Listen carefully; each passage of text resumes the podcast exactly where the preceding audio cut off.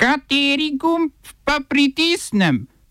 Tisti, na katerem piše OF.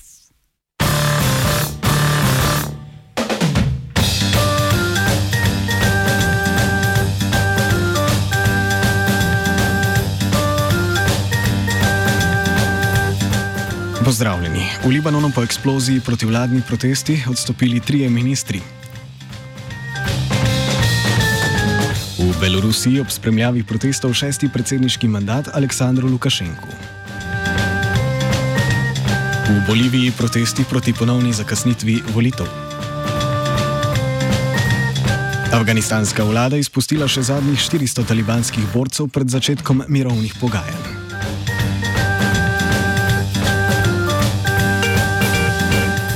Libanon so po uničujoči eksploziji amonijevega nitrata pretresli še protivladni protesti. Udeleženci vlado krivijo, da ni zmožna ustrezno ukrepati ob nesreči in da je odgovorna za ekonomsko krizo, ki jo je eksplozija poglobila. Na trgu parlamenta v prestolnici Beirut so protestniki skušali predreti ograje, kar je sprožilo nasilen odziv policije. Ranjenih je bilo okoli 700 ljudi, medtem so z položaja odstopili informacijska ministrica Manal Abdel Samad, okoljski minister Damjanos Katar in pravosodna ministrica ministrica Marie-Claude Nažem.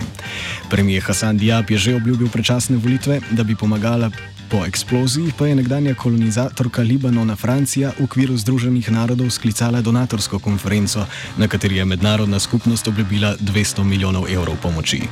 Pomoč je obljubil tudi mednarodni denarni sklad, ki pa po svoji stari navadi za bogoj postavlja strukturne reforme ter zahteva vzdržen javni dolg in finančno solventnost. Posojilo MDS-a je namreč podano v dolarjih, medtem ko libanonskemu funtu vrednost drastično pada. Zaradi tega MDS Libanonu sicer v nasprotju s svojo tradicionalno politiko predlaga tudi začasno omejitev kapitalskih tokov, do množično menjavanje libanonskih funtov za dolarje ne bi bilo mogoče.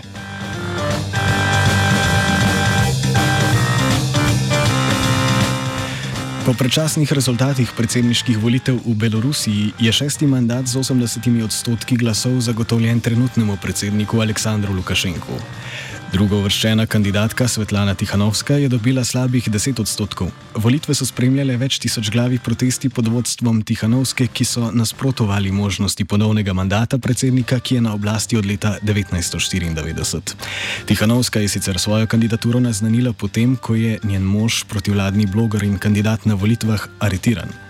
Pred volitvami so oblasti pridržale več sto ljudi, med njimi tudi mednarodne opazovalce in člane Tihanovskine ekipe v volilni kampanji.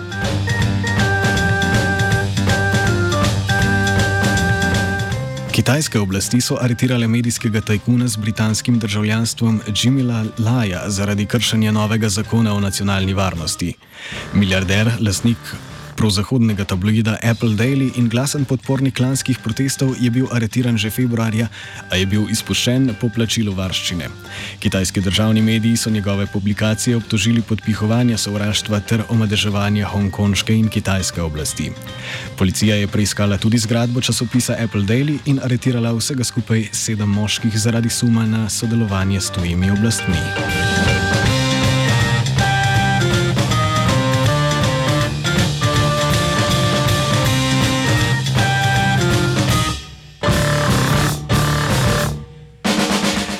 Protivladni protesti se odvijajo tudi v Boliviji. Tamkajšnja vlada, ki je na oblast prišla lansko jesen v državnem udaru, v katerem je iz države moral pobegniti demokratično izvoljeni Evo Morales, je namreč že drugič zakasnila volitve.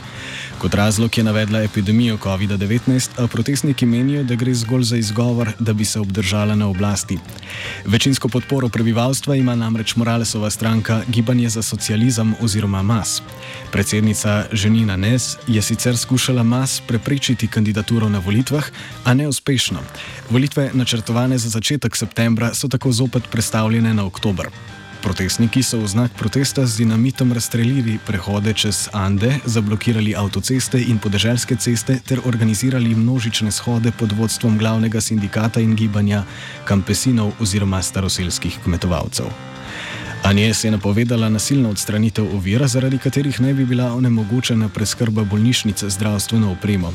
A kot so pokazali posnetki, protestniki mimo blokad spuščajo preskrbovalna vozila in reševalce ter jih ne ovirajo.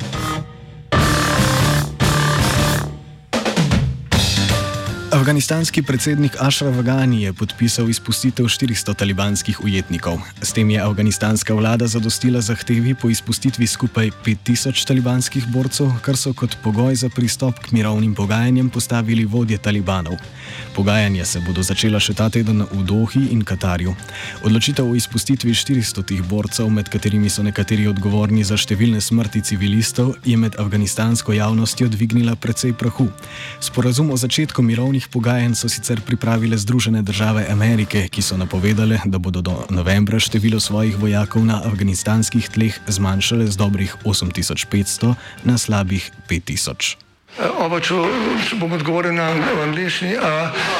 Slovenija bo poskušala pomagati. Slovenija bo naredila svoj utmost, da bo rekla, da je situacija naš problem, sami. In mi bomo naredili nadaljnje korake, as soon as the conditions are. Bomo vlado Marjana Cererera Šarca podprli. Very, very serious. News from Slovenia. We know how and we will. Ministrstvo za okolje in prostor je ustanovilo revizijo kanala C0, saj naj za njo ne bi imelo dovolj sredstev. Trasa povezovalnega kanala poteka med Tacnom in Ježico čez vodovarstveno območje, ki predstavlja največji revezo, rezervar pitne vode za Ljubljano. Gre za kohezijski projekt v vrednosti 135 milijonov evrov, katerega gradnja pa se je zaustavila na prehodu preko vodovarstvenega območja. Okoljsko ministrstvo je objavilo razpis za pripravo revizije, ki bi ugotovila, ali je gradnja čez omoče varna. Dve prispeli ponudbi bi revizijo opravili za 6 tisoč oziroma 11 tisoč evrov, a ministrstvo sedaj trdi, da za, da za to zaradi epidemije COVID-19 nima zagotovljenih sredstev. Trenutno je sicer zgrajenih 8,5 km kanala, na 12 km pa dela stojijo.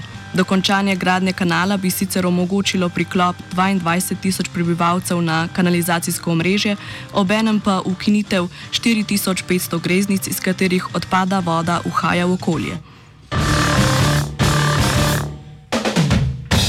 OF je pripravila Zala.